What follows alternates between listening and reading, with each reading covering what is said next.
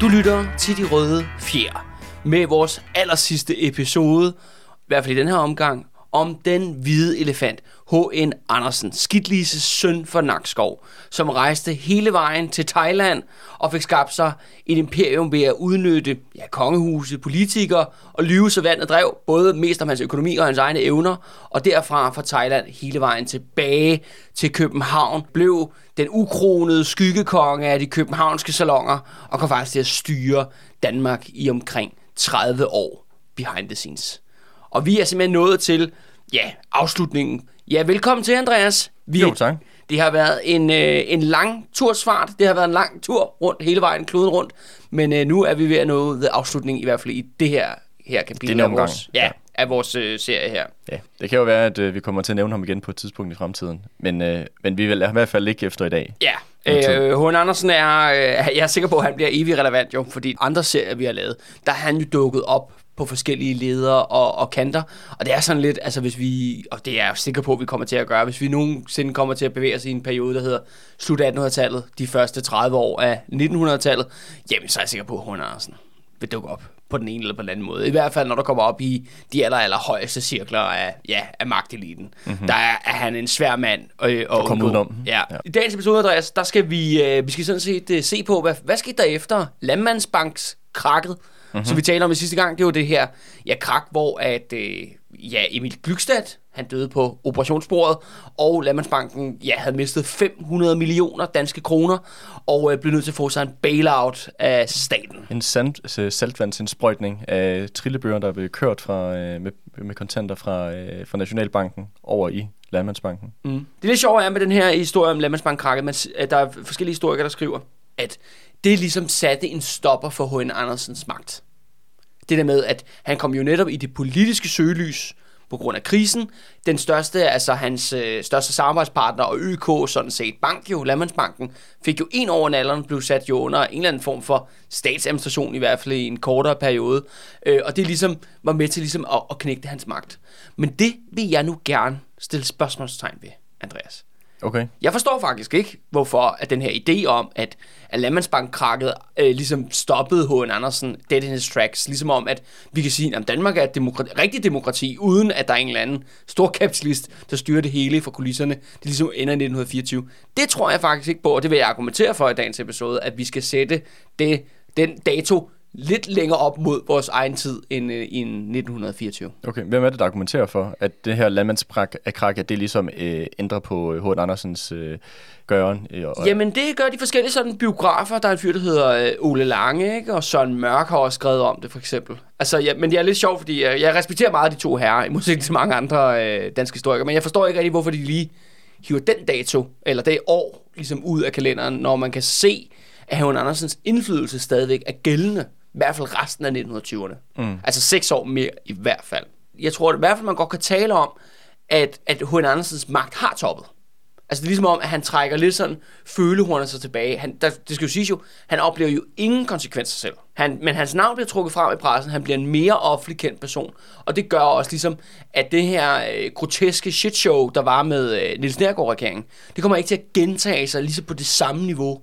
Men ikke desto mindre Og vil når jeg... du taler om det der shit show, så er du blandt andet det der med, at udenrigsministeren jo, som, som jo blev trukket tilbage, fordi at han, H.N. Andersen var uenig med ham på nogle punkter, og en ny en ligesom bare blev hævet ud fra en af øh, hvad hedder det, ØK's øh, virksomheder og installeret som ny udenrigsminister i regeringen. Er Ja. det det, du tænker på? Ja, og også det der med den der, den her åbenlyshed omkring det. Ja. Det der med, at det var in your face, at statsministeren stod ude for ØK's kontor ikke, og bankede på for at komme ind.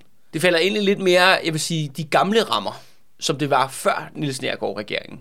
Hvor H.N. Andersen stadigvæk er en stor stemme i dansk politik og i dansk kongehus, men det er ikke ligesom in your face mere efter Landmandsbankkrakket. Mm. Det er ligesom om, han tager lige, vi, vi, vi, hvad hedder det, vi skruer lige ned, lidt ned for eskaleringen, lad mig sige det sådan, ikke? Okay. Det, der kommer til at ske efterfølgende Landmandsbank krakket jo, det er jo, at selvfølgelig den her regering bliver jo, øh, ja, dybt kritiseret for hele det her forløb, der har været omkring Landmandsbank krakket, at man har udbetalt den her bailout, og det kommer også til at have valgmæssige konsekvenser, hvor at Venstre går tilbage ved det næste folketingsvalg i 1924, og vores gamle kending, vores gamle ven Andreas Torvald Stavning, han kommer også til magten. Mm-hmm. Så Øh. det, vil, det vil sige, at øh, for, for dig se, så spiller det en, en afgørende rolle i forhold til Socialdemokratiets, øh, øh, at de kan vinde magten i det her valg eller at de ligesom kan, kan komme op og udfylde noget af det, det tomrum, som Venstre de ligesom efterlader sig. Det er det, Ja, den ja. her skandale omkring Ja, ja, den her Venstre er jo enormt, altså, de er jo enormt, øh, hvad hedder det, de ligger jo ned og bløder på jorden på grund af det her landmandsbankkrak, ikke? Okay. Og alle de historier om den her svage Niels Nergård regering og sådan noget, og det skal også sige, at han er ude af politik.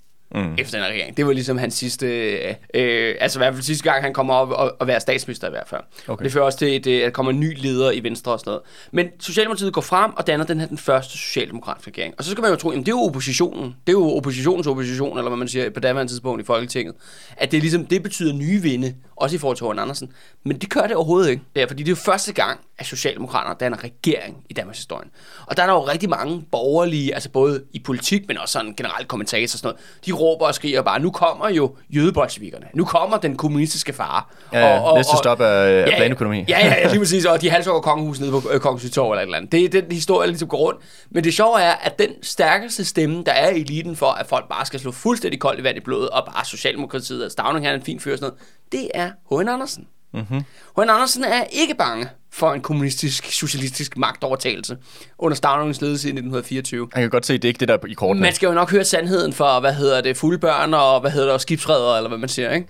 Øh, det sjove er, at hun Andersen han går øh, netop rundt og, og siger, nej, jeg hører, der er ingen, hører, Stavning er en fin fyr, og øh, faktisk så er der også en, der hører H.N. Andersen øh, sige til en, en lukket kreds, at, at H.N. Andersen respekterer utrolig meget Stavnings evne til at øh, smadre øh, opposition i arbejdervægelsens egne rækker. Mm, og det er jo især kommunist, de, den, tidlige, den tidlige kommunistiske bevægelse, Ja, ja, ja, ja, eller hvis der er noget med venstrefløjen. En, til, en, til en lille historie i forhold til det her, det er jo også, at øh, Danmark får sin første kvindelige minister, Nina Bang jo, mm. som også kommer med i den regering. Men hun, hun er, hører faktisk til på Socialdemokratiets venstrefløj jo.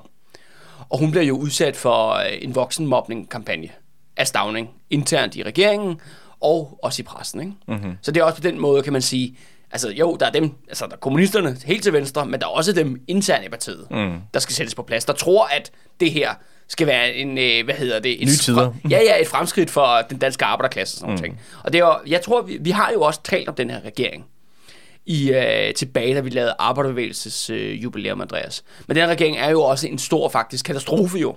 Altså både for Stavning som politisk person, men også for arbejdervæsenet i hele taget. For det, der sker, er jo, at de, ja, de opdager jo, de får jo ikke gennemført noget, der minder om socialdemokratisk eller socialistisk politik for den sags skyld. Og så taber de jo magten. Og så taber de magten. Og, og det, der mest er det markante, er jo, er, er jo netop også, at de bliver rodet ud i den her konflikt mellem øh, mod øh, hedder, arbejdsmændenes forbund jo, som er jo den her forløber for 3F i, øh, i 1925. Ja, så du har altså en situation, hvor du har socialdemokratisk regering, der er i konflikt med øh, fagbevægelsen. de her, altså de her tre F'ere jo, de tror jo netop, fordi de har en socialdemokratisk regering i regeringskontorerne, at nu skal de fandme opleve noget, øh, nu skal de fandme Nogle forhandle- fremskridt. Nogle fremskridt. Nu skal de forhandle sig nogle gode løsninger. Men der er det sjovt, at der går H.N. Andersen ud og råber og siger til alle mulige folk, sådan, nej, nej, nej, nej, bare rolig. Stavning, han, han, skal nok, han skal nok føre den politik, der er bedst for landet. Eller læs. H.N. Andersen. eller, ø, eller ØK's, øh, hvad der er bedst for ØK, ikke? Ja. Fordi, det er Og tra- Landmandsbanken fordi og- det her 3F'erne gør, det er jo en transportstrække Ja. som netop handler om at fragte jo forskellige øh, landbrugsgoder og andet ting frem til havnene. Og hvem ligger i havnene er rædderierne? Jamen, det kan blandt andet ØK.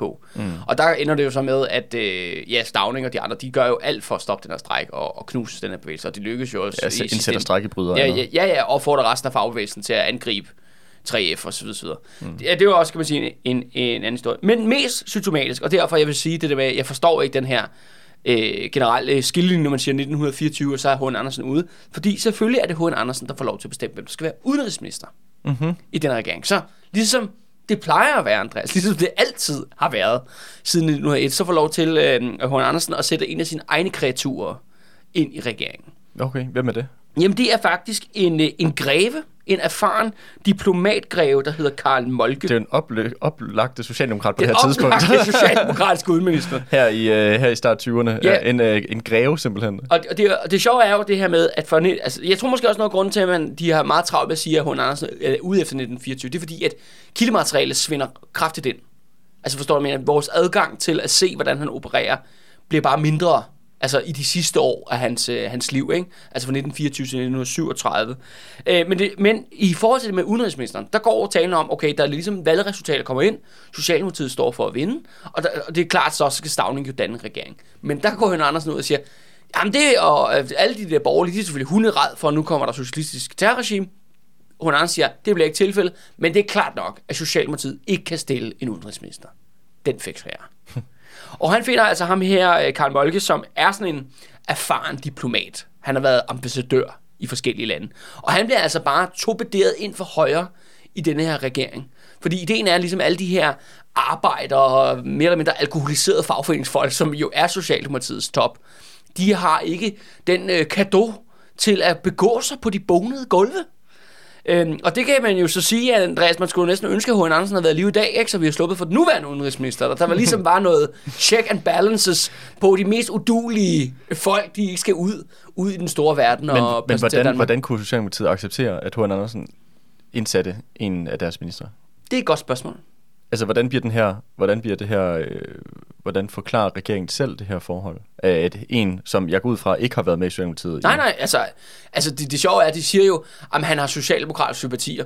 Det er bare noget, de siger, da de indsætter ham som minister. Okay. Altså, han er, en, han, han er for det første, han er greve, ikke? Altså, han er ud af molkeslægten. Det er en af de ældste øh, adelige magt byråkratiske familier i Danmark, ikke? Altså, Ja. det er jo, hvad hedder, er- gamle slaveejer, men- ja. gamle slaveejerslægt, ikke? Men Altså, det er også det, jeg tænker, at det er jo, det skærer jo lidt, lidt i ørerne, må man sige. Og det har det nok også gjort blandt Socialdemokratiets vælgere og deres egne medlemmer, kunne jeg forestille mig. Så de må da have, de må da have på en eller anden måde formået, for, forsøgt at retfærdiggøre, hvorfor det er, at han skulle øh, hives ind som øh, udenrigsminister. Jamen, altså, de siger jo bare, at øh, nej, vi har ikke erfaring. Okay. Øh, vi har ikke erfaring for at øh, for gå til det internationale diplomati, hvilket er også noget fis, fordi at øh, Stavning, har jo ikke best- Stavning har jo opereret som tysk agent under 1. verdenskrig, og netop været på alle mulige diplomatiske missioner. Altså, spørgsmålet om, hvor godt han gjort sit Og arbejde. man, og man kan jo også sige, på trods af, at anden international, den jo kollapser med Første verdenskrigs udbrud, så har det jo stadig været en del af en international organisation, Ja, ja, ja, ja. hvor de jo har mødt masser af folk fra øh, arbejderbevægelsen i Tyskland og i Sverige og i hele verden. Ja, ja. Jamen, det, er jo fordi, det, er jo- det, er jo- det er jo ikke, fordi de er totalt uvidende om udenlandske forhold. Nej, eller nej. Sådan, ikke? Nej, nej. Øh, og de har jo også selvfølgelig stadigvæk en tæt kontakt til de andre nordiske socialdemokratier i Norge og Sverige og sådan noget. Ja, ja. Socialdemokratiet går bare ud og siger, jamen vi har desværre ikke, øh, arbejderbevægelsen har ikke produceret endnu kompetente folk inden for den udenrigspolitiske dipl- diplomatiske di- øh, disciplin, Arena. arena. Man har også stadigvæk sådan en idé om her i 1920'erne, at øh, for at være diplomat eller være udenrigsminister, så skal man lidt have blot blod i årene. Okay. Altså det er sådan en old school gammel idé. Og derfor siger de, jamen derfor har vi fundet den her sy- øh, socialdemokratisk, sympatisk indstillede greve. Men alting indikerer, og alting tyder på, at det er H.N. Andersen, der er indsat den her udenrigsminister. Mm. Altså selvom den her fyr er jo så ikke en ØK-mand. Nej, altså nej. han er ikke en for ø- endnu en for ØK's firmaer eller bestyrelser. Men han kommer så ind som den første socialdemokratiske øh, udenrigsminister. Jamen, øh, det er jo da noget, der aftryk, han får lov til at sætte. Ja, ja jeg, så sige, jeg synes da i hvert fald ikke, at der er noget, der indikerer, at H.N. Andersens indflydelse er dalende Mm. øh, på nogen måde i den her den første socialdemokratiske øh, regering.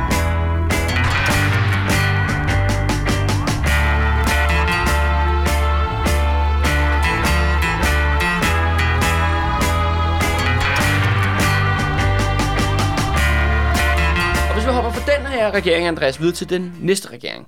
Fordi det bliver faktisk en venstre regering, igen jo, på baggrund af den her katastrofale slåskamp, der er mellem 3F og den socialdemokratiske regering. Mm. Hvad er det, man også kalder stav, Stavning 1-regeringen? Ja, Stavning 1-regering, ja. Ja. I fra, ja, 24 til 26, ikke? Mm.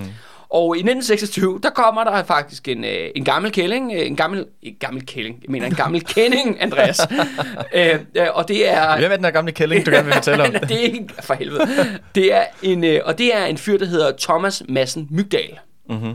Og jeg ved ikke, om du kan huske ham fra sidste episode, Andreas, om det øh, ringer en klok. Nej. Nej, det kan jeg sgu ikke. Øh, øh, det var ham, der var landbrugsminister i den tidligere Niels Nergård-regering. Det var ham, der blev kendt som H.N. Andersens femte kolonnemand Nå, ja. inde ja. i regeringen. Ja. Det var ham, der fik edelgave gods, jeg kom til at sige, at det var 400.000 kroner. Det er det faktisk ikke. Det er 750.000 kroner. Okay, så endnu mere. Ja, han fik simpelthen øh, kvitterfrit øh, i, øh, af H.N. Andersen. Ja, det er en god gave. Ja, det er en god gave. Og det er jo også det andet er, jeg forstår heller ikke det der med, at man siger, "Nå, men så er H.N. Andersen ude øh, efter 1924. Jamen, en af hans, altså en mand, han har skabt, jeg vil lige lyst til, at sige, i hans eget laboratorium. Altså Thomas Madsen Mygdal kommer simpelthen ind og bliver statsminister fra 1926 til 1929. Mm. Altså, i, i, det er jo et ØK, endnu et ØK-ministerium, Mm. som jeg, som jeg ser det. Men man kan sige, selv hvis det var, at han havde fået lidt mere, kommet lidt mere i armslængde til H.N. Andersen, så har han jo selvfølgelig stadig en masse forbindelser og tråde, der binder ham sammen med, med ØK. Så det vil i hvert fald være mærkeligt at påstå, at H.N. Andersen ligesom ikke har haft øh, en finger med i spillet, eller hvad skal man sige, øh, nogle, øh, nogle ild i hjernen i forhold til den der regering der. Altså. Øh, Madsen Mygdal-regeringen har måske fortjent sin egen episode en eller anden dag, men det bliver så meget other time. Men det, det sjove er, at det faktisk er den mest sådan ideologiske, en af de få ideologiske regeringer i Danmarks historie. Mm. Altså sådan som i ultraliberal. Altså anti-fagforening, anti-velfærd, alt muligt. Alle øh, mulige sådan, hvad hedder det, forskellige sådan sociale tiltag, der blev indført under 1. verdenskrig, de bliver simpelthen, de bliver skåret i den her periode. De bliver fjernet, og øh, øh, Madsen Mygdal-regeringen går simpelthen i kollektiv offensiv mod, øh, mod fagbevægelsen. Mm. Det er, det ikke også, et, er det også, er vi ikke også ved at være i... i det er lige op til krisen. Nærmest krisen, ja. Ja, ja, den store depression der i 1929. Den regering er mest kendt for, det er også, at de, de hjemløse, de samler sig så i en stor march over Jylland, og så drager de gennem Danmark mod København, hvor efter at Madsen Mygdal, han øh, aktiverer militæret, og at de blandt andet sætter, hvad hedder det, maskingeværspositioner op nede på Vesterbrogade, hmm. for ligesom at kunne modtage de hjemløse, når de kommer, ikke? Med, maskin, med maskingeværssalver, ikke? Det er blandt andet noget af det, der sker under Madsen Mygdal-regering. Og samtidig så bliver han så kendt for, at han selv betaler 0 kroner i skat. Okay. så han, altså, det er virkelig, altså, det er virkelig en usympatisk, mm. altså ultraliberal det regering. En, en super reaktionær regering. Fuldstændig. Og, og det, der siger også folk det der med, at, at ja, for det første, Øh, Thomas Madsen Mygdal, han skylder sin politiske ligesom opkomst i Venstre. Karriere. Ja. Karriere til ØK, til H.N. Andersen. Han har også, øh, Madsen Mygdal, han har en bror, som er direktør i ØK. Okay. Altså han blev godt nok dræbt i 20'erne øh, af i en bilulykke, altså ved tilfældighed, kan man sige, en ulykke, mm. ikke? Men den her familie, og det der med, at han får det der skide gods, Altså kvitt og frit. Altså simpelthen, at H.N. Andersen, han ligger simpelthen et fedtbund kontanter i hånden, så han kan gå ud og blive rigtig landmand. Og så kommer han ud på sit dyrgods, han har fået af ØK, og så betaler han 0 kroner i skat mm. af det, han har tjent derude. Ikke? Ja. Så, altså, og de siger også, at den her Mads Mygden-regering er netop formet af H.N. Andersens politiske ideologiske program. Mm-hmm. Fordi han er selv sådan en, der står for sådan en ultraliberalistisk øh, linje. Han er sådan en, hvad skal vi kalde det, minimal statsguy. Mm. Det er det, han er i hvert fald er kendt for at sige i offentligheden. Bortset fra selvfølgelig, når det kommer til kongehuset, synes han, det er enormt vigtigt, at der skal bruges penge på. Så, ja, ja, ja. så, så meget minimal stat er han Eller ikke. militæret sikkert også, ja, ja, ja, ja, ja, ja, men forstå mig ret, det er i hvert fald ja. ikke... Han er sådan en der med, at øh, ja, de fattige skal fandme ikke have noget. Ikke? De er dårlige og duelige. Ikke? Mm. Prøv at se på mig, jeg er skidt lige så søn. Jeg har kæmpet mig op. Det kan alle gøre. Alle, mm. kan, alle kan jo blive hvad hedder det, bordelfatter i Thailand, ikke? Og, og, og, og, og lave guld og grøn skov på det, ikke? Mm. hvis de vil. Ja. Ikke? Det er det, der ligesom er ideen. Ikke? Okay, så det virker, så det, jeg kan godt mærke, jeg kan godt mærke, at det ligesom tegner sig et billede af, at, at Horn Andersen ikke er ude nej, af politik. Nej, det må man sige.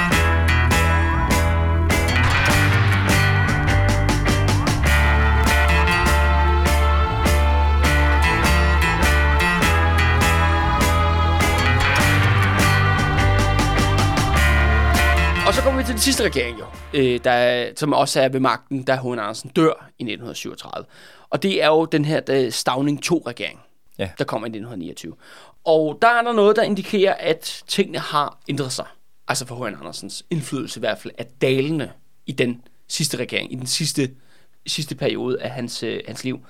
Øh, det er sådan her faktisk, at øh, udenrigsministeren, det er min gamle nemesis, det er Peter Munk, ham den øh, radikale minister, ham der har skabt øh, konsensushistorien. Han er, han er, er det fordi, de laver en øh, regeringskoalition ja, med radikale? Socialdemokratiet ja. og de radikale går sammen ja. i, en, øh, i en, ja, en flertalsregering. Som det, ja, det, det findes jo stort set ikke mere, men det var altså noget, der fandtes i gamle dage. Mm. Og, øhm, og ja, de går sammen, og så er det sådan her, at øh, Peter Munk er udenrigsminister, og så er det faktisk, at han holder faktisk løbende samtaler med Horn Andersen. Altså han inviterer ham simpelthen på kaffe i Udenrigsministeriet. Men meget indikerer er, at det er mere Peter Munk, der prøver at holde lidt øje med, hvad H.N. Andersen har gang i. Mm. Fordi han er jo en mand med netværk og forbindelser osv., så, så, videre, så det er meget godt lige at, at tjekke ind en gang imellem, og se, ja. om man ikke laver for meget ballade ja. alle mulige mærkelige steder. Ja, jeg kan huske, vi snakkede om uh, under den anden uh, radikale venstreregering, den første, uh, der i under, under den første verdenskrig, hvordan at... Uh, H. Andersen havde sine egne idéer om, hvad for en øh, udenrigspolitisk kurs Danmark de skulle øh, stikke. Ja. Øh, og blandt andet var over øh, i Storbritannien og snakke om øh, mulig dansk indlemmelse i Commonwealth for ting og sager. Så det er jo klart nok, at det virker til, at han også er en, at H. Andersen er en mand, der, går, der har nogle ambitioner og nogle, nogle selvstændige idéer, der selvfølgelig godt kunne komme lidt i kampolage ja. med den øh, officielle regerings. Øh, det, jeg ser som det afgørende, Andreas, det er mere faktisk, hvordan englænderne begynder ligesom at deal med ham. Fordi det ved man blandt andet, fordi han jo selvfølgelig er i England hele tiden og har møde med ambassadører, udenrigsminister og andre kongehusfolk og hvad det nu ellers skal være over i, i, i det britiske. Og der begynder faktisk britterne, de giver ham navnet øh, den, øh, den gamle plage, kalder de ham. Okay. og, det, og det er fordi, de, det er tydeligt, at britterne synes, han er mega irriterende. Fordi at nu er han jo blevet en gammel mand og blevet plus 70, ikke? Og han kommer stadigvæk rendende, og han bliver ved med at ævleløs om Holsten som Panama, kanalstat og Danmark og Commonwealth og de baltiske versioner, alt det der, vi har talt om. Mm. Men britterne er bare sådan, det er komplet urealistisk, det kommer ikke til at ske, og hold kæft, hvor er det irriterende. Mm. At han ikke bare bliver derhjemme og leger pensionist, ikke? Mm. Og det er det, jeg tror, der, det der, med, der kan man tale om, at hun Andersens magt, indflydelse er ligesom nedadgående. Mm. Men der vil jeg så sige, det skift kommer måske mere i 1929 end 1924. Altså hans indflydelse, vil jeg sige, er massiv i Stavning 1-regeringen, og selvfølgelig i Madsen Mygdal-regeringen. Mm. Og så kan man diskutere, hvor meget er det så i Stavning 2-regeringen. Ja. Den, der er der i, øh, ja, fra 1929 af, ja. Men man kan i hvert fald sige med sikkerhed, at når vi kommer her til 29, så virker det som om, der, at, det, at det ligner i hvert fald, at han, at som du siger, hans indflydelse, den er, den er nedadgående. Ja. Starten, altså den, der, hvad hedder, den første Stavning-regering, der går jo H.N. Andersen jo, han er jo kendt for, at han går ud og roser Stavnings evne til ligesom at slå ned på oppositioner, og Stavning han er en god mand for os og sådan noget. Det er sådan noget ting, han rundt ud og går ud og siger. Men når vi kommer op i den næste regering, altså 29 og i 30, der begynder han at svine Stavning til. Mm-hmm. Der siger han jo netop, at jamen, han er også bare en alkoholiseret pamper og sådan noget. Hvil, hvilket han også det der. Men, ja, ja. men, Det er men, men, jeg, for, men jeg forstår godt, hvad du Ja. mener. Det der med, at han... øh, Du, det, der, der er et mønster ligesom i Emil Glykstad, ja. ikke? Det er ja. Sjovt, hvordan at, så, når han er venner med dem, så, ej, så bliver de godt nok talt op, og hvor er de gode for Danmark, og bla bla bla. Og så når de ikke gør, som han vil, mm. så, så begynder han så at svine dem. Mm. Og det synes jeg også bare sådan, okay, når han begynder så at svine, ja, Stavning og Peter Munk og de andre i den her nye socialdemokratiske radikale regering, jamen så er det nok meget god indikator på, at de ikke er så gode venner, som de plejede at være. gode venner, øh, at der er et forhold med dem, hvor at det ikke længere er øh, H.N. Andersen, der øh, har de store bukser på. Nej, det er jo nok højst sandsynligt det, ikke? Altså, øh, han bliver jo ældre og ældre. Altså, han bliver også, han, han kommer jo faktisk til at øh, blive 85 jo, mm-hmm. før han dør. Og det er sådan her inde i ØK i de her sidste år. Altså, det er alle render rundt og venter på, at han dør. Mm. Altså, han sidder stadigvæk på sit kontor, og han, så han kommer der mindre og mindre. Men det er klart, at firmaet rykker sig ikke rigtig nogen vegne. Øh, fordi han sidder bare tungt på, øh, på, magt, øh, på magtposterne. Øhm, han har dog styr på sin øh, affølge. Vi har allerede snakket lidt om det for en del Om episoder. det er prinsen. Ja, lige præcis. Ikke? Det er jo det med, at han mener... Problemet er jo, at han synes jo, at hans datter er jo voldsomt kompetent, men problemet er, at hun er en kvinde, så hun kan ikke få posten. Og øh, så han med hans to sønner der, det mener han, de er simpelthen for udulige mm. til at overtage YK. Så derfor udnævner han jo så øh, prins Valdemar og prinsesse Marie, altså Marie øh, de Orleans, altså hende der franskmanden, øh, ældste søn, prins Axel til at ligesom at være aftager af ØK-imperiet. Krøl på halen, det er, at øh, vi har snakket om det i relation til øh, rivalerne jo. Det er jo ham her, prins Axel. Han får jo en nøglerolle i det, der hedder Højgårdkredsen, og simpelthen Mærsk og Erik Witts kupplaner i 1940 under besættelsen. Mm-hmm. Han indgår simpelthen i den kreds. Det er faktisk meningen, at han skal være statsminister. Nå, men det kan Hvor, da være, hvor Witt skal være... De, de kan ikke blive enige om, at det er Witt, der skal være stat, Erik Witt, der skal være statsminister, eller er det prins Axel, der skal være statsminister. Eller og så skal Erik Witt bare være forsvarsminister i den her mm. i kupforsøg, hvis folk kan huske den her gamle, hvad hedder det, de her folk øh, for toperhvervsliv, hvor, hvor Mærsk jo, altså Arnold Mærsk, den gamle Mærsk. snakkede vi om, omkring det her kupforsøg, eller den her konspiration under, øh, under rivalerne? Ja, det var mest fordi, at øh, Arnold Mærsk jo øh, havde jo den her forbindelse med Erik Witt. Og det var jo en af, altså han, han var jo involveret i alt muligt gak og gøjl, ikke? Igennem hele første verdenskrig, hele alt det, vi har talt om nu, ikke? Og der er også, øh, Arnold Mærsk har, har jo også været ligesom i kulissen, og været lige sådan en, altså hvad skal vi kalde det, en lieutenant, ikke? En løjtnant for H.N. Andersen igennem flere perioder, er blandet med at smadre Ditlev Lauritsen, ikke? Under første verdenskrig osv. osv. Og også været involveret i øh, kongekuppet i 1920, men prins Axel, altså ØK's aftager, han indgår også i det her game, men mere som en øh, samarbejdspartner til Erik Witt mm. og til Arnold Mærsk. Mm. Øh, så det er bare for at sige ligesom, at prins Axel, han varetager virkelig arven Ja. for, for ØK og, øh, og H.N. Andersen. Ikke? Mm-hmm. Det er jo netop sådan noget, sådan noget uh, behind the scenes, uh, hvad hedder det, shadows and daggers uh, ja, Ja, ja. kind of game, ikke? Men, det, men, det, men han kommer aldrig ligesom til at være den, den, stør, den største i dansk erhvervsliv, ligesom øh, H.N. Andersen var. Altså, Nej. Det, der, der er kommet andre til. Ja, lige præcis. Og det er jo det der med, at så må ØK jo netop i de næste mange år jo netop slås med, øh, med Mærsk og med Lauritsen-familien, mm. om hvem er ligesom de største inden for dansk, øh, dansk erhvervsliv. H.N. Andersen, han, øh, han dør så endeligt i den 30. december 1937. Han blev øh, 85 år gammel. Han får selvfølgelig øh, rosende omtaler i næsten alle aviser, ikke? Ja, sjovt Ja, nok. ja, Det ja, er alle sjovt de der nok. viser han ejet. ja, og, øh, og selvfølgelig, og Stavning er selvfølgelig også rigtig ked af det, og så videre, som er, han er jo statsminister på det tidspunkt. Og det kan man sige, det var jo ligesom øh, hans liv jo.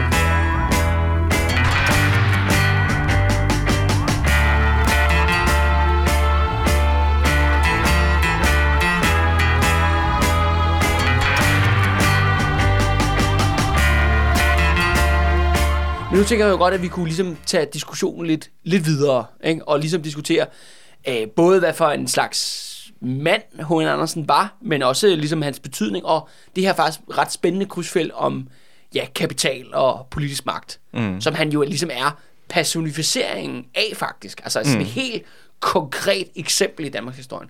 Og så også det hele den her sådan lidt mærkelige øh, idé om, altså det i konsensushistorien om det der med, at Danmark bliver et demokrati i 1901, når det er jo de facto bare H.N. Andersen og ØK, der tager magten mm. i de næsten i ni, de 29 år derfra. Og så kan man måske sige, at Danmark først er sådan måske et demokrati fra 1929 af. Men ja, jeg synes, det, det viser meget, jeg synes, den her historie med Hun Andersen viser meget godt det der med, som du siger, forholdet mellem kapital og politik. Vi ser det også i dag, altså hvordan at øh, forskellige ministre og andet, når de er færdige med at, at tage deres øh, fire år, eller hvor meget de kan holde ud, eller hvor meget vælgerne kan holde dem ud inde i Folketinget, så hopper de over til erhvervslivet ofte. Ja. Det private erhvervsliv. Så går du fra at være øh, landbrugsminister til at også få en position ind i dansk, øh, dansk landbrug eller et eller andet. Ja. På mange måder kan vi jo tydeligt se, at der er de her tråde, der binder politikerne sammen med erhvervslivet. Der er også de her VL-grupper, som jeg også har Ja. været nævnt i forbindelse med Inger Støjberg, hvor at, øh, hun jo godt kan lide at, at, at slå til Basje København, hvor det også kom frem, at hun hellere ville sidde, hun var blevet spurgt, om hun ville sidde i sin VL-gruppe, virksomhedsledelsesgruppe hedder det, øh, i, i Jylland, men hvor hun havde valgt at sidde ind i København i stedet for. Nå, Som så også- hun vil hellere være i salon. Hun vil, hun vil hellere være i salongerne, og Ja. ja. virkede det tydeligvis. Og det, er jo, og det er jo bare et andet eksempel på, på de her VL-grupper. Det er jo ikke kun virksomhedsledere. Det er jo også politikere, det er folk fra kongehuset, det er øh, folk fra mediebranchen, det er alle de her, hvad skal man sige, quote-unquote øh, institutioner, som er med til at opretholde demokratiet, eller hvad man vil kalde det, mm. øh, som der er på en eller anden måde er med til at give samfundet en form for demokratisk fairness, øh, som tydeligvis er fuldstændig også flettet sammen med erhvervslivet, øh, om det er igennem øh, deres egne, øh, hvad skal man sige, hemmelige grupper. Mm. Øh, det er jo ikke, du, kan, du kan gå ned til en VL-gruppe og, og bede om at komme ind til deres møder. Altså, det er ikke sådan, det fungerer. Nej, nej, nej, nej, Øh, nej. og, Men øh, altså, hvis, hvis vi... Jeg, jeg kommer meget gerne, hvis, øh, hvis der er nogen, Ja, ja. inviterer mig. Ja, ja. Øh, men også, altså, se det på dag også med politiske partier. Hvem er det, der finansierer dem i deres valgkampe? Det er jo, øh, kan man sige, nogle, nogle partier offentliggør det, eller, eller snakker måske lidt om det, men der er mange partier, som ikke har lyst til at bekendtgøre, hvem det er, der er med til at finansiere deres valgkampe. Ja. Ja. Deres, øh, både som individer, men også som, som hele partier. Altså, der er jo en kæmpe sådan, forbindelse mellem det politiske øh, liv i samfundet, altså især det her med partipolitik og, og parlamentet, og så, øh, og så erhvervslivet Mm. og erhvervslederne. Og, øh, og jeg vil sige, vi ser jo kun sådan nogle glimt, Ja, ja, ja. men vi kan jo tydeligvis se, at der er øh, en masse tråde, usynlige og synlige, som der binder dem sammen. Og det her historie med H.N. Andersen er jo måske et af de mest sådan, åbenlyse eksempler på, hvor, hvor stor en magt øh, folk, storkapitalister, folk som H.N. Andersen, de kan have over det politiske system, og hvordan er den her den her, øh, der, det er ikke vandtætte skodder, der er Nej. mellem, mellem den økonomiske sfære af samfundet og den politiske. Tværtimod vil jeg sige, at de, øh, jo, jo mægtigere og jo rigere du er i det her samfund, jo mere indflydelse har Ja. du så også mulighed for at få på politikerne og det politiske system. Ja, så jeg er meget enig i, hvad du siger, Andreas, det der med, at de er jo de her netværk, men det er jo det der med, hvor meget, hvor stor altså indflydelsen er, fordi det, mit, mit indtryk er også, at der er måske lidt større udskiftning i dag i toppen af erhvervslivet, altså i forhold til direktører, altså forstår du, hvor, Jo, jo. længe, hvor Jo. længe de holder en individuel stilling, hvor H.N. Andersen er jo nærmest sådan, altså han er, han er jo de facto nærmest diktator. Mm. Altså på baggrund af hans øh, chefstilling i, i, i det største firma, Ja, ja, han er også så og, dominerende. ja, ja, og hans forbindelser ja, ja. til den største bank. ja, ja. Og så øh, det her meget, meget personlige og dominerende øh, forhold, han har til kongefamilien. Mm. Og det bliver jo sær sådan rigtig grotesk med Christian 10. Ikke? Og det, øh, jeg tror bestemt, at det danske erhvervsliv har masser af politisk indflydelse mm. igennem VL-grupper eller andre, hvad hedder det, sammenhæng. Og det er jo klart Ja, ja. nok, hvis du skal have et fedt job på den anden side af Christiansborg, jamen så er det også klart, at du ligesom skal varetage Erhvervslivets interesser, mens vores du sidder i politik. Ja, ja, hvis, Du, i hvert fald, hvis du har en drøm om, eller et håb om at få en karriere, og, og doble din løn, eller hvad ja, det kan være, ikke? Eller hvis ikke du vil blive få smadret din politiske karriere, mens du er ved at, øh, kan man sige, at medierne, hvor et størstedelen også er privat ejet, at de ikke Ja, ja. skal tage dig igennem sølet, eller hvad det måtte være, vende en stemning mod dig. Ja. Det er rigtigt nok det der med H.N. Andersen og historien om ham. Det er så meget, det, det er mere det med, det er, det er meget, person. kon- det er meget ja. koncentreret. Ja. At det er ligesom, øh, du har, du har destilleret det ind til den essens Ja, ja. med, den her, med den her ene mand. Fordi jeg tror, det er rigtigt nok, som siger, at det er, at det er jo et mere et, det er jo et, måske en lidt mere broet skar, eller et større, større udvalg i dag, Ja. som, der, øh, som der er med til at, Det, det at sætte ligesom, deres magten, lidt aftryk. mere, magten bliver lidt mere sådan, gennem ugennemskuelig. Ja. Fordi, fordi altså, hvem er det, vi taler om? Hvad er det for nogle personer, det Men jeg tror om, ikke? alligevel, selvom, selvom at det måske er den større kreds, så kan vi jo alle sammen godt identificere i hvert fald nogle virksomheder eller nogle øh, erhvervskredse, som Ja. tydeligvis har en stor indvirkning på den danske stats øh, indrigs, udenrigspolitik, hvad det måtte være. Ja, ja, ja. Øh, Og det er jo sådan som Mærsk for eksempel, Ja, ja, Mærsk-koncernen, ja, ja, ja. eller Danske Bank for den sags skyld. De der cementfabrikker i Aalborg, Aalborg Portland, selvom jeg ikke tror ikke, det er dem, Ja. der, der sætter økonom, den økonomiske kurs i det her land, men tydeligvis, de er jo... De har i hvert fald indflydelse i de den nuværende fald, de har i regering. hvert er fald meget indflydelse regering, og er Ja. undtaget for diverse klimareduktionskrav og andet, øh, som ellers mange andre øh, virksomheder er blevet pålagt at skulle prøve, i hvert fald på papiret at leve op til, hvor Aalborg Portland er fritaget, hvilket også er meget øh, sjovt, hvordan lige... Sjovt nok, at de slap for det. Ja, ja, ja, ja. Men, øh, ja, eller, eller Mærsk, altså hvordan Ja. at de danske rædderier er blevet undtaget for at betale øh, øh, selskabsskat. Ja, ja. Altså- eller, eller vi sætter et krigsskib til øh, den vestafrikanske kyst, fordi at Mærsk ønskede det, ikke? Ja. Eller hvordan at øh, Mærsk i, i forbindelse med Afghanistan-krigen også fik en øh, rigtig fed NATO-kontrakt til at fragte øh, hvad hedder det, militær isengrej fra øh, Ja. ja. NATO-førende lande. Altså en kontrakt, jeg tror det er med det amerika- amerikanske militær, de fik det, til altså milliarder af kroner. Ja. De har fandme tjent fedt på den der krig. Ja. Så det, det er lidt, øh, det, der, der lugter lidt af ØK i 1905-agtigt. Det er sådan en øh, virkelig fed øh, militærkontrakt fra et eller andet regime, der er gang med Ja. at slå et eller andet ned et eller andet sted. Ikke? Ja, ja, men også hvilket, hvilket selskab, som vi også kunne konstatere på rivalerne, knus elsker øh, USA, i hvert fald i sidste mange årtier. Det har også været Mærsk. ja, ja, ja, ja, ja. Og har et godt forhold til, i hvert fald de andre, de gamle Mærsk, havde et godt forhold til kongehuset. Ja, det havde de bestemt, ja. Ja. Så jeg vil sige, det er rigtigt nok, den her historie om H.N. Andersen, det er et ekstremt eksempel, Ja. som du måske ikke finder lige så, øh, i lige så høj grad udpenslet i de efterfølgende år, efter H.N. Andersen stod i Danmarks historien. Men jeg synes stadig, vi kan se tydeligvis, at det er jo ikke fordi, der har været et brud med den måde, samfundet Nej. bliver kørt på. Det kan godt være, at, du har, at det er lidt mere diffust og lidt mere varierende, hvad for en gruppe folk og hvad for nogle individer, der, der sidder med til at sætte deres fingeraftryk på, øh, Ja. på hvordan samfundet bliver kørt, og hvad, hvad for nogle øh, en politik, politikerne fører, men det er jo stadig essentielt set det samme dynamik, du har i samfundet. Ja. Altså det her med, at, øh, at, at pengene er med til at i høj grad at, øh, at bestemme, hvad for en Ja, ja. musik, men der det, bliver det, spillet. det, det er sjovt, hvordan ligesom kan man sige, at, at uh, kapitalens magt i gamle dage, i hvert fald er min, min klare sådan analyse eller indtryk, den er også meget sådan personlig. Altså den er meget at gøre med de der personer. Altså en ting var jo, at, at H.N. Andersen, han var jo sådan virkelig behind the scenes kind of guy. Og det der med, den eneste måde, man er faktisk lidt kunne genere ham, det var faktisk ved at skrive negativt om ham i en presse, ikke? Eller mm. en, en eller anden pjæse, som ham der, hans tidligere medarbejder gjorde i sin tid, ikke? Så blev man helt skråt og synes, det er forfærdeligt, ikke? Mm. Eller øh, et godt eksempel, Arnold Mærsk jo, som blandede sig hele tiden i offentlig debat. Han bestilte jo ikke andet end at sende breve til den danske befolkning om, at, øh, at de skulle afskaffe demokratiet, eller vi skulle beholde Dansk Vestindien, eller hvad fanden det var, ikke? Altså han var jo meget sådan in your face, en politisk aktør, hvor i dag, der er det jo mere som om, at de personerne er trådt i baggrunden, hvor ligesom brandet eller mærket firmaet er trådt i forgrunden. Ikke? Så vi taler om Mærsk, så taler vi jo ikke om en bestemt ejer af Mærsk eller leder af Mærsk. Vi taler bare om Mærsk. Mm. Altså som, som firma, ikke? Og det er derfor, jeg mener det der med, at det bliver sådan lidt mere... Altså det er jo diffust, hvor kan man sige, når man taler om ØK og Andersen, det er det samme. Mm.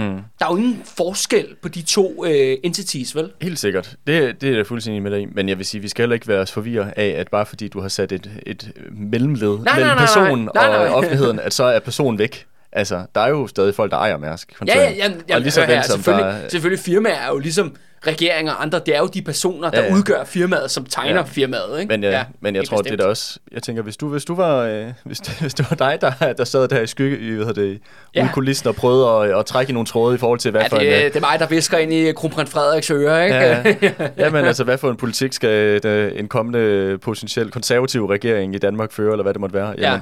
Jeg tænker også, at det er måske meget fint at, at lige have en eller anden form for lille armslængde til offentligheden, i forhold til, at det er måske ikke dig, der står forrest i skudlinjen i forhold til at sætte dig selv i, i mediernes søgelys, men at du har dit, dit firma mm. og kunne skyde ind imellem for, øh, at det ikke er dig, der trækker dig alt opmærksomheden som, som egen person. Jeg tænker, der må være en interesse i det på en Jamen, eller anden jeg, jeg tænker også lidt, at det er jo, grunden til, at det er sådan i dag, er det nok også, fordi det virker bedre. måde. Ja, sikkert. Altså fordi, at noget man kan, man kan se jo, det er jo netop, at H.N. Andersen får jo lidt ørerne i maskinen. Altså i, med landmandsbankkrakket jo ikke, selvom det er ikke, det er jo ikke rigtigt det, der stopper ham. Det er mere hans egen alder. Mm. Altså det med, at han bliver sgu lidt en gammel næse, ikke? Mm. Øh, til sidst, ikke? Og så behøver man ikke tage ham seriøst. Men for eksempel, altså Mærsk jo, Arnold Mærsk, han fik jo virkelig, altså hans firma og renommé blev jo netop trukket gennem sølet efter besættelsen. Mm. På baggrund af hans, ja, hans massive involvering i dansk våbenindustri. Ja, og samarbejde med ja, tysk ja, og samarbejde med? Nazi-Tyskland, Ja. ikke? Øh, Hvis du stikker næsen for langt frem, som erhvervsleder, så kan, det jo, så kan du godt blive ramt af det. Ikke? Mm. Og det har vi jo haft nogle gentagende sådan, eksempler på igennem vores øh, ja, erhvervshistoriske portrætter. Ikke? Det sætter også ligesom de der spørgsmål i gang, som du også sagde lidt, det der med, hvornår kan man snakke om demokrati i Danmark? Men jeg vil sige, Ja, altså hvis, vi- hvad, hvad forstår ved demokrati, altså Ja. vi forstår ved vælgernes dom, altså hvis vi forstår Ja. det der med, at du går ned og stemmer, og det har en effekt om, hvem der ligesom, hvad er det for en politik, Ja. der bliver ført, og hvad er det for nogle personer, ja. der skal sidde i en, Men en jeg vil, regering. jeg vil måske så sige, det her, det vil altid være et, et element i, demo, i borgerlig demokrati, så længe du har kapitalisme. At så længe du har privatpersoner, der kan samle så meget rigdom på baggrund af deres Ja, og rigdom er automatisk politisk indflydelse. Ikke? Præcis. Ja. Så demokrati, ja, men det er ligesom den her, de her, den her, de her former for, for øh, skyggeeminenser og sådan noget, Ja. er, er, du kan ikke adskille det Ja. fra det borgerlige demokrati, så længe du har, du har kapitalisme for mig Ja. at sige. Jamen, grund til, at jeg, bl- øh, grund til, at jeg hele tiden kredser om det, Andreas, det er jo fordi, at det er jo ikke, det er jo ikke mig, der har dikteret eller skrevet det, at det skulle være sådan. Det er jo fordi, at øh, konsensushistorikerne, ja, siden Peter Munk jo har erklæret jo, at i 1901, der havde vi systemskifte. Mm. Det der med, at, at det var det uha, den diktatoriske Estrup og højre regeringer og, og kongehusets magt. Det var ligesom, ej, så blev det ligesom fjernet ved på et dejligt dansk øh, kompromis, hvor vi ligesom fandt hinanden. Men det er jo bare ikke det, historien viser jo. Fordi vi udskifter jo blot en diktator ud med en anden. Men det er også nogle andre økonomiske erhvervsinteresser, der kommer til. Altså før 1901, der er det jo det store landbrug. Ikke? Det er jo højere, det er jo de her adelsfolk. Det er dem, der er den dominerende øh, politiske kraft, og også dermed den økonomiske kraft. Og det er klart med H.N. Andersens øh, paladskup, sammen med de unge medlemmer af kongefamilien, det gør jo også, at man får et mere fokus rettet mod de store danske erhvervsvirksomheder, mm. som ØK jo netop øh, kendetegner, og som jo også kommer Lauritsen og Mærsk jo til gode, ikke? det som moderne, moderne kapitalistiske ja. firmaer. Ikke? Ja, det er vel industri og handel i højere grad. Ja, og skibsfart også, Ja, især, ikke? der skibsfart, får, ja. et kæmpe boost. Ikke? Altså, det er sjovt, er alle de der familier, vi har talt om, jo ikke, de er jo alle sammen, de starter altid som skibsredere, men vi er jo virkelig industrikapitalister øh, kapitalister i den helt store skala, ikke? hvor at, øh, ja, hvad hedder det, Lars lavede køleskab, ikke? Og, øh, og ØK, de lavede sojakager, og, øh, mm. og, og Mærsk jo blandet, jeg blev så senere involveret blandet i olie og luftfart, og hvad det nu ellers var, ikke? Mm. Og jeg er våbenindustri selvfølgelig. allerede. Ja, ikke at forglemme. ja, ja, ja, ej, ej, at forglemme, ikke? Ja. Det- Og, og bankvæsenet igennem danske Nå banker. ja, og selvfølgelig. og, Finans, og, finans. og det er jo også det, vi så med, hvad hedder det nu, med J. Laurits, at de jo også, hvad er det nu for en bank, de er, de, så vidt jeg husker, så er de også involveret med en eller anden lille... Ja, det, det, er- det er. Jamen, han laver jo sin egen bank over i Esbjerg, jo, ikke? Ja. Men, men springer jo så over og får sig en, øh, en aftale. Nogle mere faktisk, det er Handelsbanken eller sådan noget. Mm. Der er hans, øh, der er hans ligesom kredit. Jamen, Ja. det er jo det er klart, de der firmaer, de bliver nødt til at have sådan en special relationship med en eller anden bank, ikke? Mm. Titgen selvfølgelig, det var hans egen bank, privatbanken, ikke? Mm. Og øh, H.N. Andersen tilfælde, det er selvfølgelig Landmandsbanken. Mm. Og, øh, og, øh, og det bliver faktisk også øh, jo Mærsk. Ja. Bank, altså, Ja. men så som Danske Bank, ikke? Ja, på den måde kan man Efter sige, at- rebrandingen, ikke? Ja, ja, man kan sige på den måde, sådan er Mærsk, også i forhold til det der med det der kub der, vi snakkede om, øh, med den der kreds der. Er jo Ja, Højgaardkredsen, Højgaardkredsen, ja. Så på den måde kan man sige, at Mærsk er på nogen måde måske lidt sådan aftager af nogle af elementerne af, ØK og H. Andersen Imperiet. Eller vil du sige, det var gået for langt at sige det sådan? Ved du hvad, jeg vil sige 100% det er sådan der. Okay. Altså også fordi, det er altså, de det, får Danske Bank, de får... Øh, de arver jo imperiet, de ikke? arver, ja, og de bliver den dominerende kraft inden for dansk skibsfart. De, øh, og, og politisk i forhold til deres forhold til kongehuset, for eksempel også. Så på mange måder, så følger de jo de spor, Ja. som H. Andersen har lagt.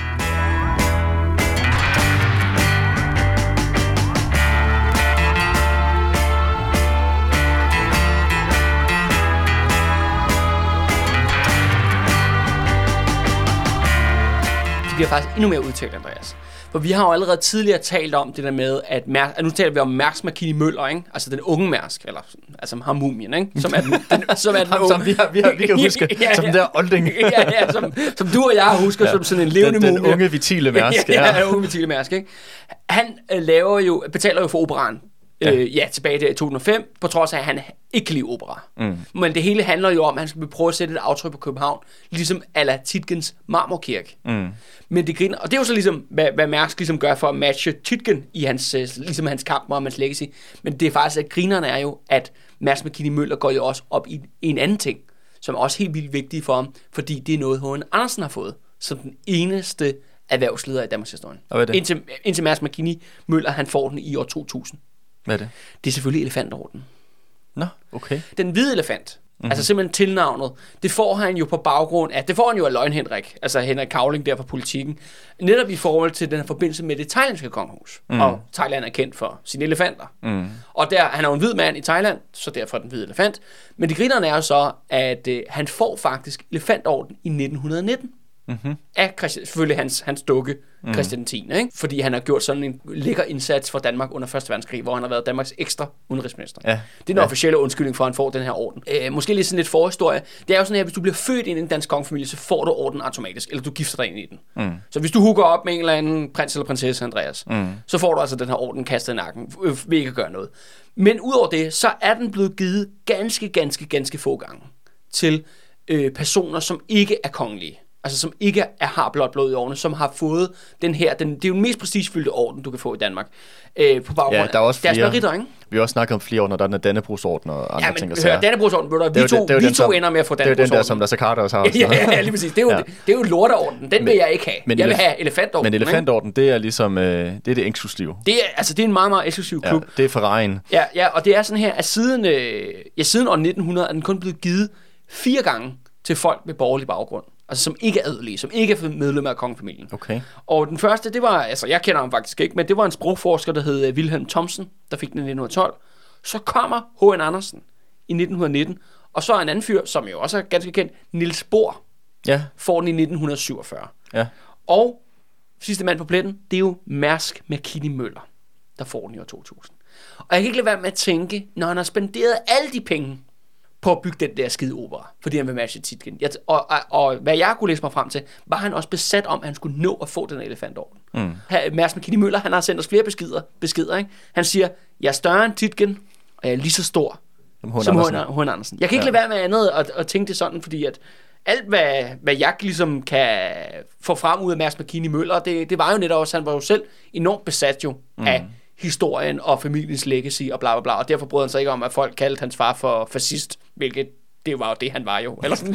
han, han, han, døde, han døde jo med en hyldest til apartheid Ja, ja, ja. Sydafrika på læberne, ikke? Det var, Ja, ja, ja. Altså, så, øh, ma- altså, han var virkelig, han var dedikeret til, til sagen, ikke? Ja, ja. Altså. ja, det er jo meget sjovt, at det er både Tigten og H. Andersen, de sammenligner sig med. De virker i hvert fald tydeligt, at det er dem, der ligesom er aftagerne for H. Andersen og hans, alle de infrastrukturer, alle de virksomheder, han sætter op, at de bliver det, som Mærsk også baserer sig på. Ja. Der er Ja. også en, en stort element af kopiering, ikke? Ja, Man kopierer, okay, hvad gjorde Titgen, ikke? Hvad gjorde Højner Højner Andersen? Mm. Og jeg skal bevise, at jeg er lige så stor som dem. Men det griner, at han kom jo aldrig ud og skrev en artikel. Nu er jeg lige så stor som Titgen eller Højner Andersen. Men det var jo ligesom... det ville altså være fedt, sådan Berlingske bringer større, end- større end Tigten, bedre end H. Andersen, Mærsk McKinney.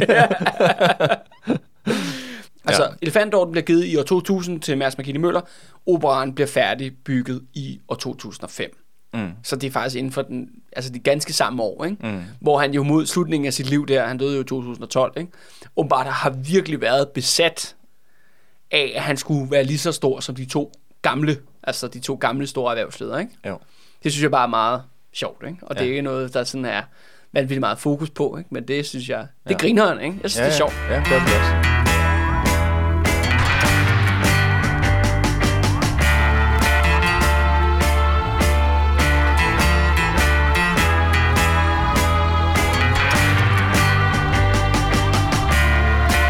Til, lidt tilbage til H.N. Andersen, det er lidt sjovt, fordi at, øh, øh, jeg har sagt flere gange, at, at han er sådan lidt mystisk, eller det kan jeg ikke lige forklare, og så videre, så videre. Og der er nogle bestemte årsager til, Andreas, sådan helt, øh, sådan helt faktuelt. Ikke? For det første, som vi talte om i sidste episode, jo, Landmandsbank, eller Danske Banks arkiver, er jo lukket for offentligheden. Så der har vi ikke adgang til. Så det kan vi ikke se noget om. Og det andet er så, at ØK, øh, altså simpelthen bygningen, deres arkiv, blev brændt ned i et øh, nazistisk terrorangreb i 1944. Nå, hvorfor blev det udsat for et attentat? Ja, men det er, altså, det er lidt en anden historie, men øh, altså, der, der er sådan her, at øh, for ligesom at, at øh, svare, modsvare modstandsbevægelsen sabotage under besættelsen, så kommer ja, de tyske nazister sammen med deres danske håndlanger, I laver det, der hedder modsabotage, eller Schallburgtage blev det kaldt. Mm-hmm. Hvor man bombede en række sådan, skal vi kalde det, populære mål. En, en hvad hedder det, en iskiosk på Strandvejen, og ude, hvad hedder det, familiejournalen, og, og Tivoli, og mm. alt muligt gøjl. Og, og på en eller anden mærkelig årsag, så... Ikke familiejournal. Der.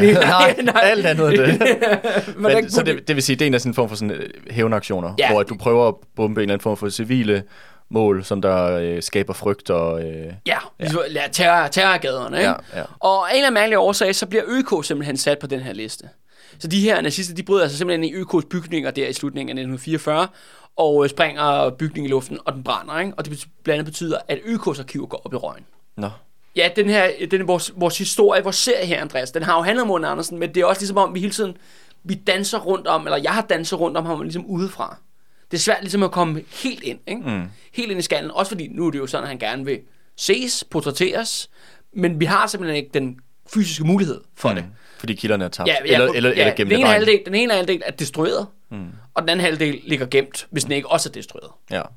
Øh, det er bare for ligesom at sige, øh, altså det er ligesom... Der er nogle begrænsninger. Ja, og, ja, og det vil også sige, at, at der, der kan sagtens være, der kan komme noget mere en eller anden dag. Ikke kun jeg, men også andre, altså kan komme ind og have et bedre portræt af H.N. Andersen. Han har jo den her sådan lidt, lidt, lidt mystiske karakter, ikke? Altså som, øh, som sagt for, for skyggerne. Men på trods af det, så vil jeg jo godt ligesom fælde en dom over ham som øh, person. Ikke? Han er, det er jo virkelig et, et mønsterbryder-eventyr af den helt store klasse. Ikke? Altså det, det, er jo, det er jo vildere end Tytkins mønsterbryder-eventyr, fordi han netop starter jo virkelig i underklassens underklasse. Ikke? Han er Skidlise søn, hende der er kendt for, hun vasker lort ud af riges underbukser i Nakskov. Mm.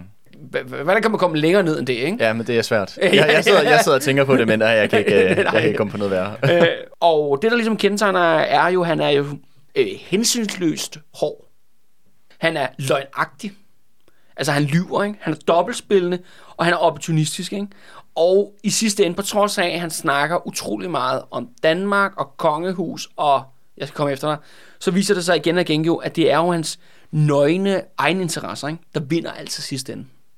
Hvad er bedst for H.N. Andersen? Selvfølgelig. Hvad er bedst for ØK? Og, øhm, og så er der også det der med, at han er jo forfængelig, ikke? og han er smålig. Og han er... Ja, ja, og han er følsom omkring sit, uh, sit image, ikke?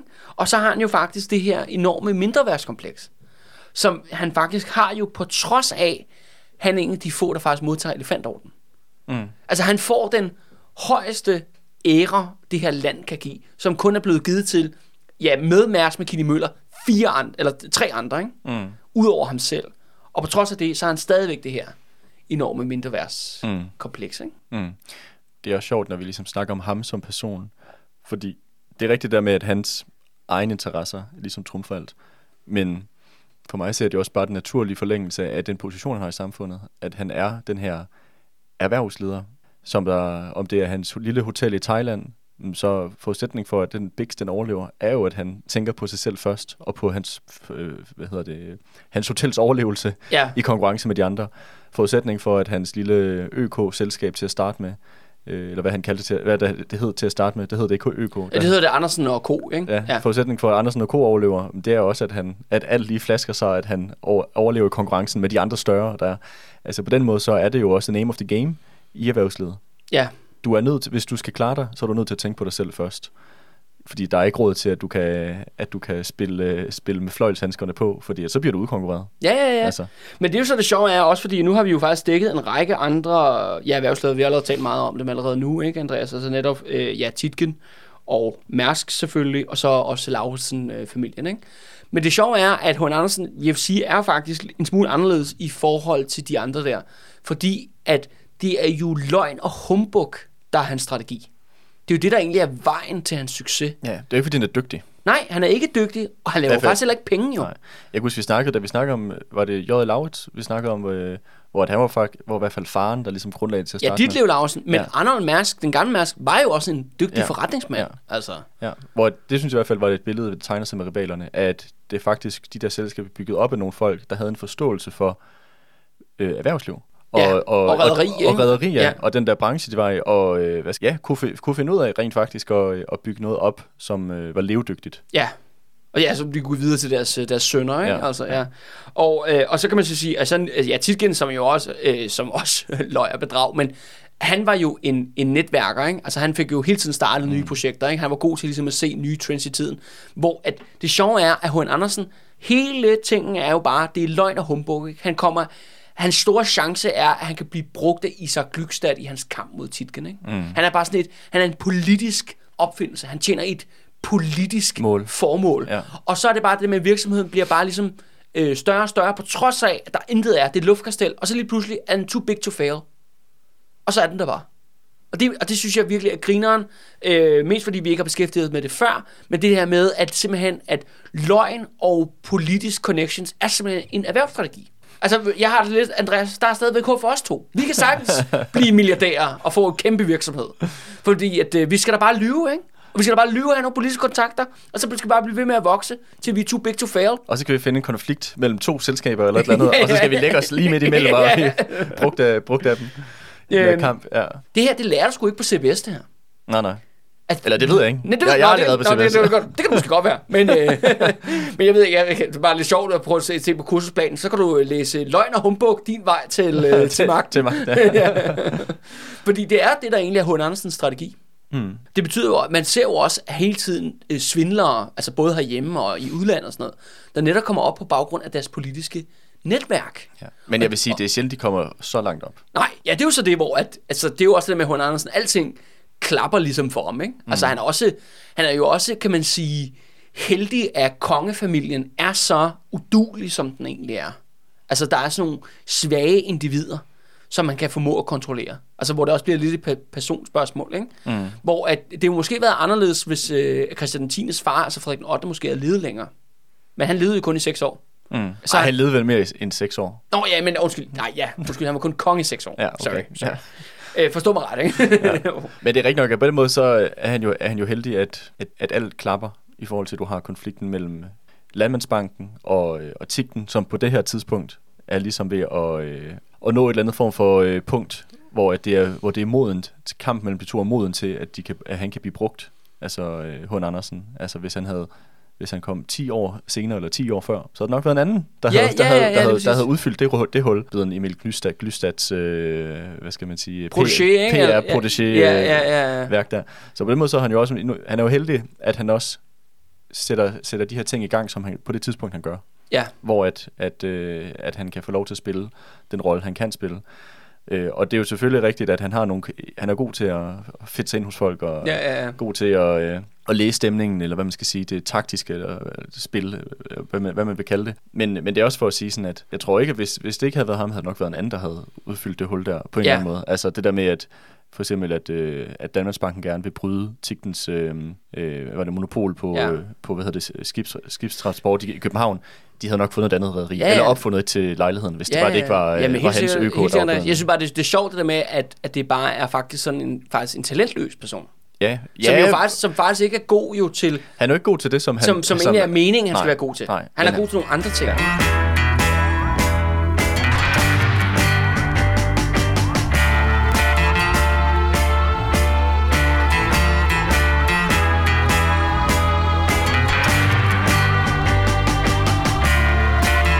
sige. Nu har vi jo nogle store erhvervsledere under bæltet efterhånden her på, øh, på showet.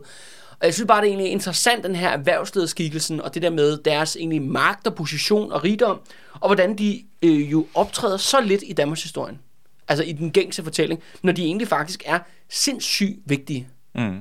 Og ved du hvad, Andreas, jeg har faktisk hørt på vandrørene, at der kommer, om ikke så længe, så kommer der faktisk en Titken tv-serie på DR1. Nå, Tro det eller ej. Men... jeg tror det ikke. Men ej, det gør der. Jeg er ret sikker på, det, det, jeg er ret sikker på, det gør det faktisk.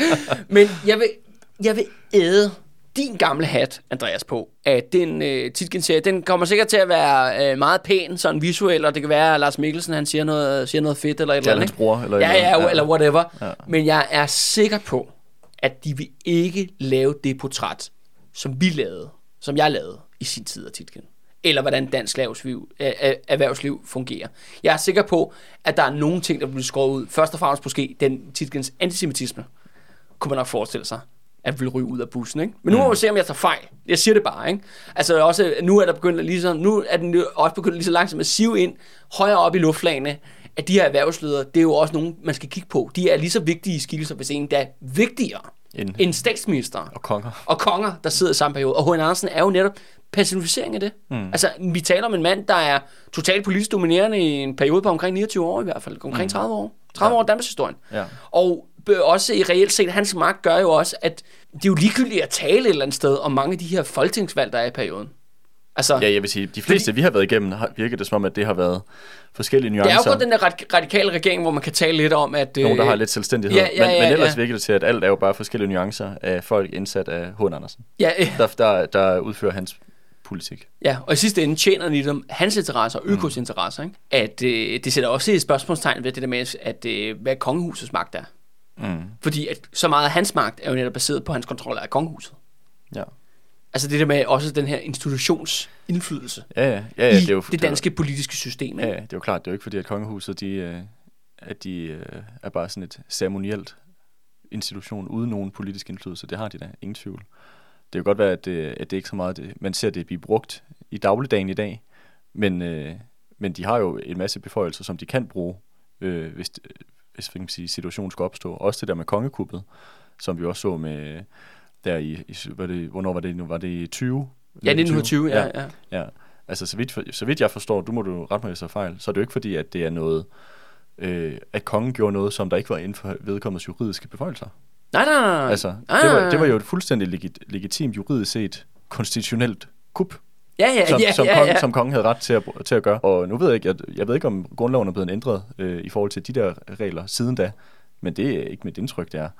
Nej, men det er jo stadigvæk sådan her, at monarken udpeger sin regering. Præcis. Og der er jo også statsråd, i hvert fald en gang om måneden i hvert fald, hvis ikke mm. mere, tror jeg nok. Eller det er jeg ikke lige helt styr på. Men, men kongehusets indflydelse er der jo. Mm. Men det kommer også an på, igen, det er jo en kombination af, hvem er politikerne, Mm. ikke? hvor svage er de, og så faktisk også, hvor meget magt erhvervslivet har Mm. i den daværende regering, eller hvad for et firma er det, der ligesom, der kører med klatten i, øh, Ja, ja.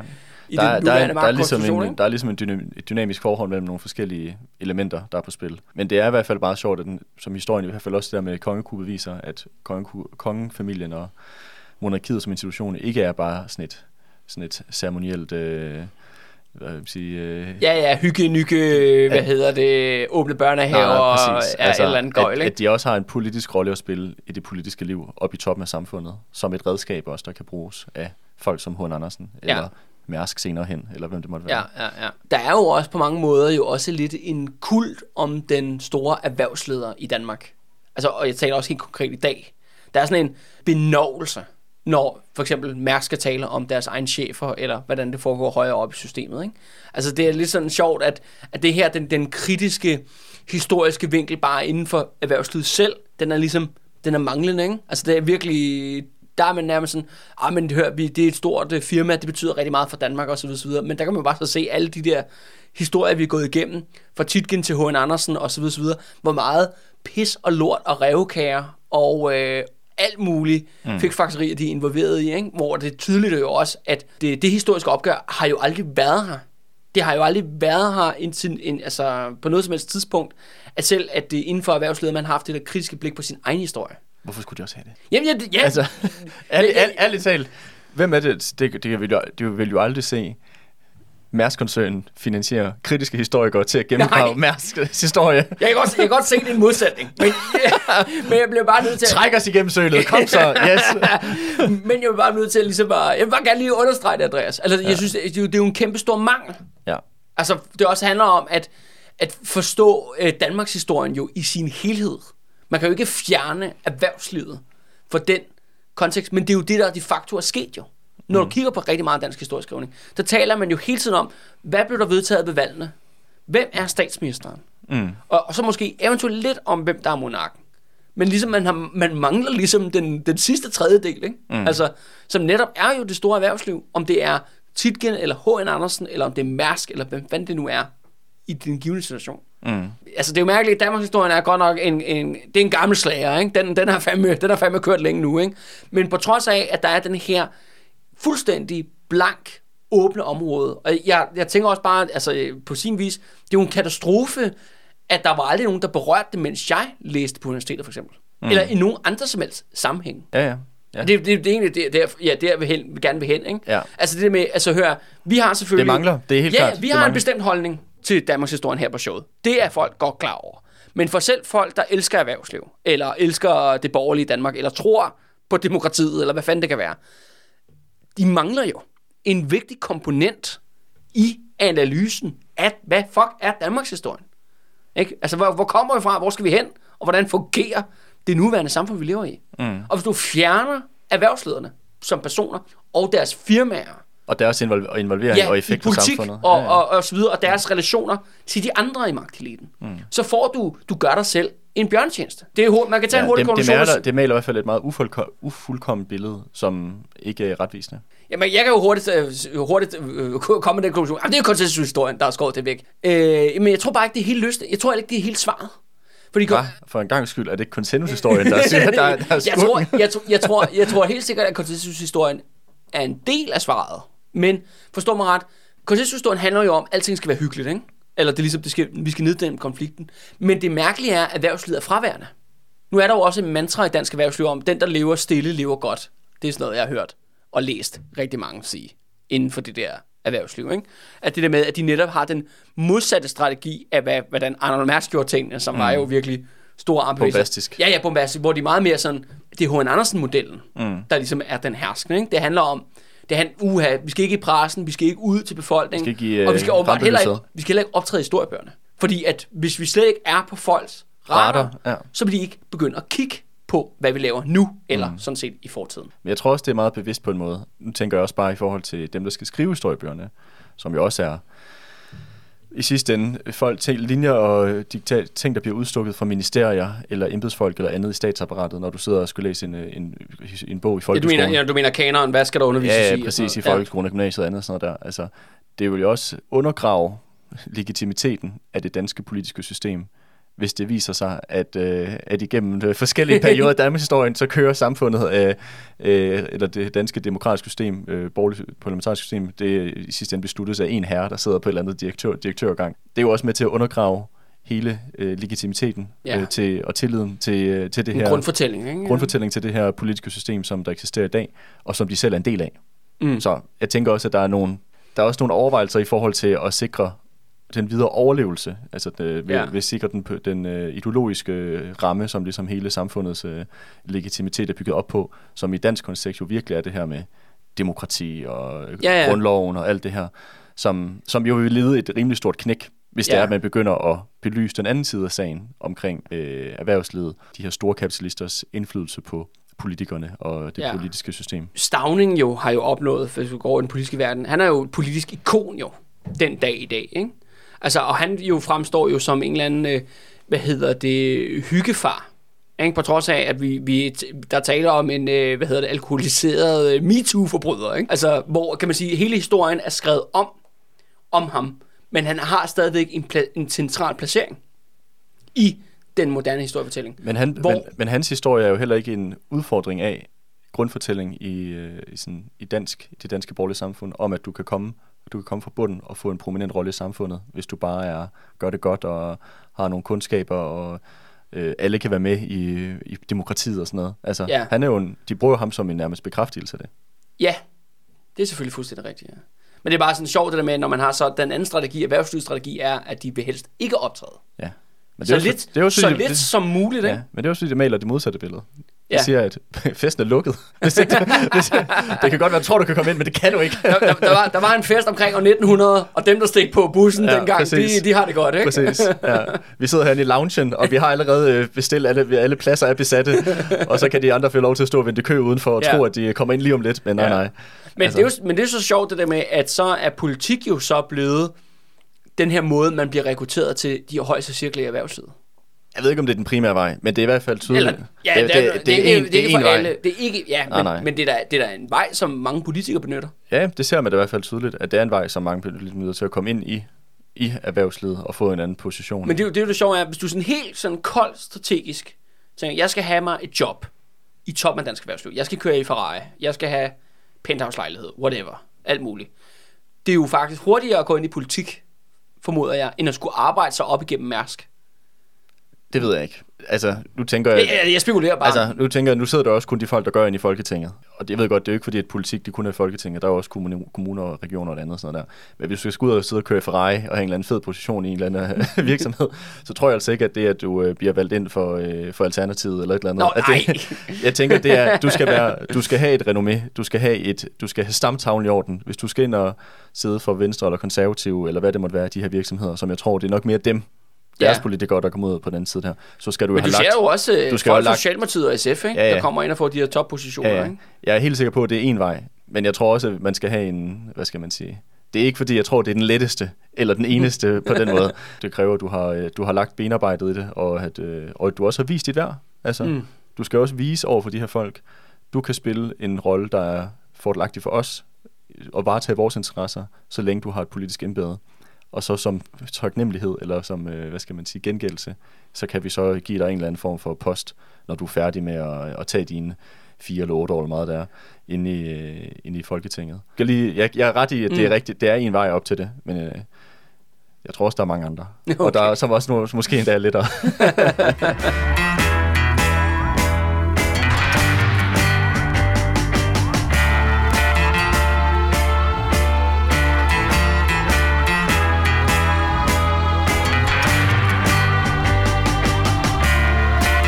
Men øh, har du mere, Andreas? Øh, jeg tænkte måske lige en sidste ting, som, som måske mere er relateret til det, vi snakkede om i sidste afsnit, i forhold til Landmandsbank-krakket. Ja. Øh, og det er jo lidt, og i forhold til det med de der redningspakker, som de jo fik. Ja, Og, som, øh, det er jo 100 år siden jo, det er 100 år som siden. vi optager nu. Og, og der kan man så sige, ja, men øh, så er det fortsat lige siden jo. Ja, ja. Altså, vi, har jo, vi havde selvfølgelig krisen i 2008, Ja. altså, hvor at de så de her kæmpe bankpakker. Ja, Danske Bank fik jo en kæmpe pakke i starten af 2009, ikke? så vidt jeg husker. Og, og flere løbende, mener ja, jeg vist ja, nok ja, også. ja, ja, ja, ja. Ja, så havde vi jo så hele coronasituationen, hvor der også ligesom blev åbnet op af statskassen til masse virksomheder, der fik hjælpepakker og andet.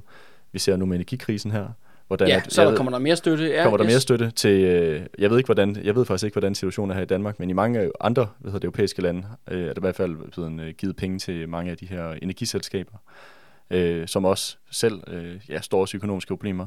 Og jeg synes, det er ret interessant også, når man tænker på, hvordan, hvor, hvor, hvorfor, hvorfor sker det her? Øh, fordi for mig at se, så er det jo et produkt af, at mange af de her virksomheder er sådan, som øh, jeg tror, du sagde på et tidspunkt, blevet en too big to fail, Ja, ja. øh, som ØK er et godt eksempel på, eller Landmandsbanken, eller Ja. Danske Bank i dag, Ja. er jo eksempler på, at de her virksomheder, hvis de, hvis de gik bankerot, det vil jo trække ikke bare dem selv, men en stor del af økonomien med ned. Så jeg tror, Mm. Danske Bank i sig selv har, har aktiver for tre gange Danmarks BNP, eller noget den dur. ja. Hvis det selskab går konkurs, det kommer jo til at trække bunden ud af, altså du kan vinke farvel til landbruget, du kan Ja. ja. vinke farvel til, til, øh, jeg ved ikke, til, jeg ved ikke hvor, hvor mange, hvor, hvor mange øh, dele af industrien, både private øh, kunder, erhvervskunder, hvad det måtte være. Og jeg tror, at det her, den her frygt for, hvad for nogle politiske og sociale konsekvenser det vil have, altså tænk opstande, revolution, altså af millioner af folk, der bliver kastet ud af arbejdsløshed. Ja. Jeg tror, det er det, der er med til at gøre, at at de her politikere er villige til at kaste så mange penge ned i de her sorte huller, som det jo aldrig kommer nogen til penge tilbage ud af. Mm. Altså, det er jo, en, det er jo at kaste penge ud af vinduet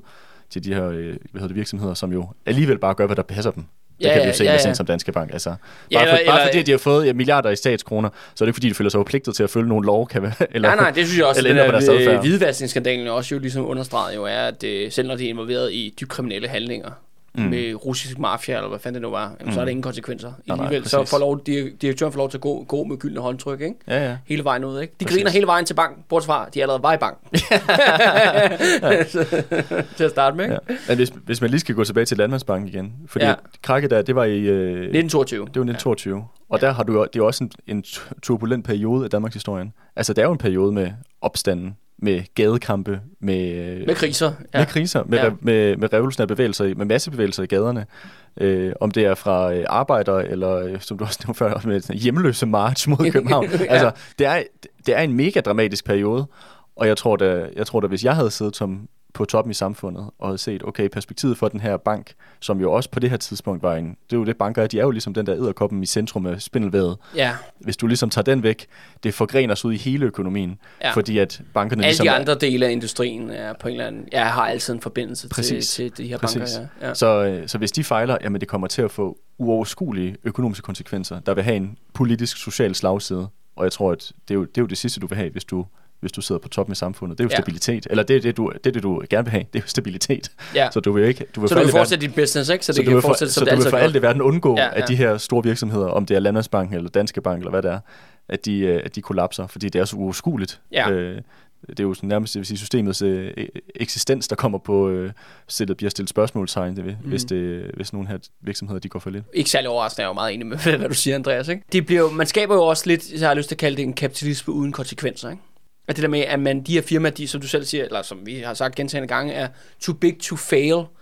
Men de får også bare lov til at fortsætte i deres rådenskab. Ikke? Og, og der er jo ikke sker noget fundamentalt anderledes i den måde, de opererer på. Så du er jo nærmest garanteret jo, at der vil ske en ny krise igen. Ja, ja, 100 procent. Altså, og nu, og nu snakker jeg ikke kun om markedskonjunkturerne. Altså det der med for eksempel, at der er jo ikke nogen, der vil være overrasket, eller vi forventer det. Jeg har da i hvert fald en klar forventning om, det er der kun et spørgsmål om tid, om den næste kriminelle sag kommer ud af Danske Bank. Mm. Altså, hvor det netop handler jo bare om grådig øh, egen interesse, ikke? hvor nogen prøver folk at tjene penge på, og så tjener de penge med våbenhandler med Nordkorea, eller you name it, eller sådan, ikke? Det er jo, jeg har jo nærmest en klar forventning om, at det vil ske. Du bliver skuffet, hvis ikke det Ja, sker. jeg bliver skuffet, eller jeg er overrasket, ikke? Altså selvfølgelig, det, er kun, det kan godt være, at det ikke sker i år, men så sker det næste år, eller året efter det, ikke? Mm. Ja, ja. Altså. Jeg tror, i forhold til det der med sådan kapitalisme uden konsekvenser, så vil jeg alligevel sige, det har jo store konsekvenser for almindelige mennesker. Fordi at hvem skal betale Jamen, det er bare ikke konsekvenser er for ejerne. det er ikke, det er ikke ejerne, det er ikke Ja, ja. kapitalejerne, som der kommer til at mærke konsekvenserne, fordi at det kan vi jo, vi har jo, vi har jo levet de sidste mange år siden, øh, ja, vi lever sjovt nok til jer derude. Vi, vi, vi, vi, det er ikke en post-boom øh, optagelse, det her. nej, men jeg vil sige, at os, der har gennemlevet perioden efter, øh, efter krakket i 2008 for eksempel, vi kan jo konstatere, at det var jo, det var ikke bankerne, der sad på regningen, eller de store, det var ikke Nej, nej, virksomhedsejerne, det var der skatteborgerne, der fik lov til at betale Ja, ja. ved kasset. Det er der bestemt. med, med nedskæringer og det ene og det andet. Altså, i hvad havde du 10 nedskæringer og nærmest ingen stagnerende økonomisk vækst mere eller mindre. Ja, ja. Altså det, øh, Og nu er man ude og låne øh, over tavsbærene til at lave nye pakker for, ikke? ja.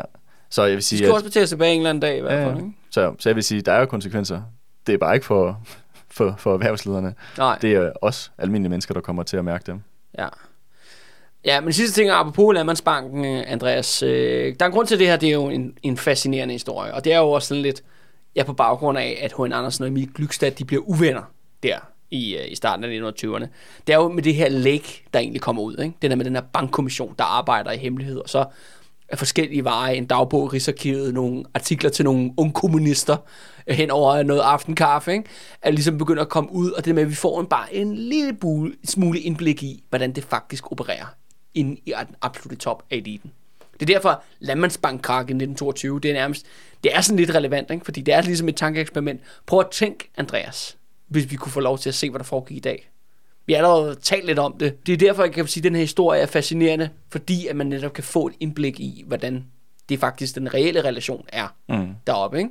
Hvor at vi to kan jo sidde her og spekulere til dommedag, men vi, så længe det ikke er noget sådan konkret, mm. eller forstår vi, vi ikke har beviserne i hånden, jamen så kan vi jo sige, vi kan pege fingre af dem og sige, at der er nok, det lugter, det lugter fishy, det der, de er gang i, men der er ingen konsekvenser at op- fortsætte med at operere. Ikke? Prøv at tænke, hvis der blev kastet et lys på, ikke? hvad mm. der faktisk foregik ikke? Ja. Inde, i, inde, i, inde i maskinrummet. Ikke? Ja, det ville være vanvittigt spændende. Men øh, der er jo ikke andet for, at vi må ned med, med sprængstof og dynamit og åbne boksen til, øh, til, til Danske Bank, så vi kan finde de der landmandsbanksarkiver og endegyldigt få, øh, få bragt sandheden for dagens lys. Ej, ved du hvad, Andreas, jeg tænker lige, at vi skulle forbi Zoologisk Have og hente nogle elefanter, ikke? så vi kan, nogle thailandske elefanter, så vi kan komme ind i bygningen. Det være passende.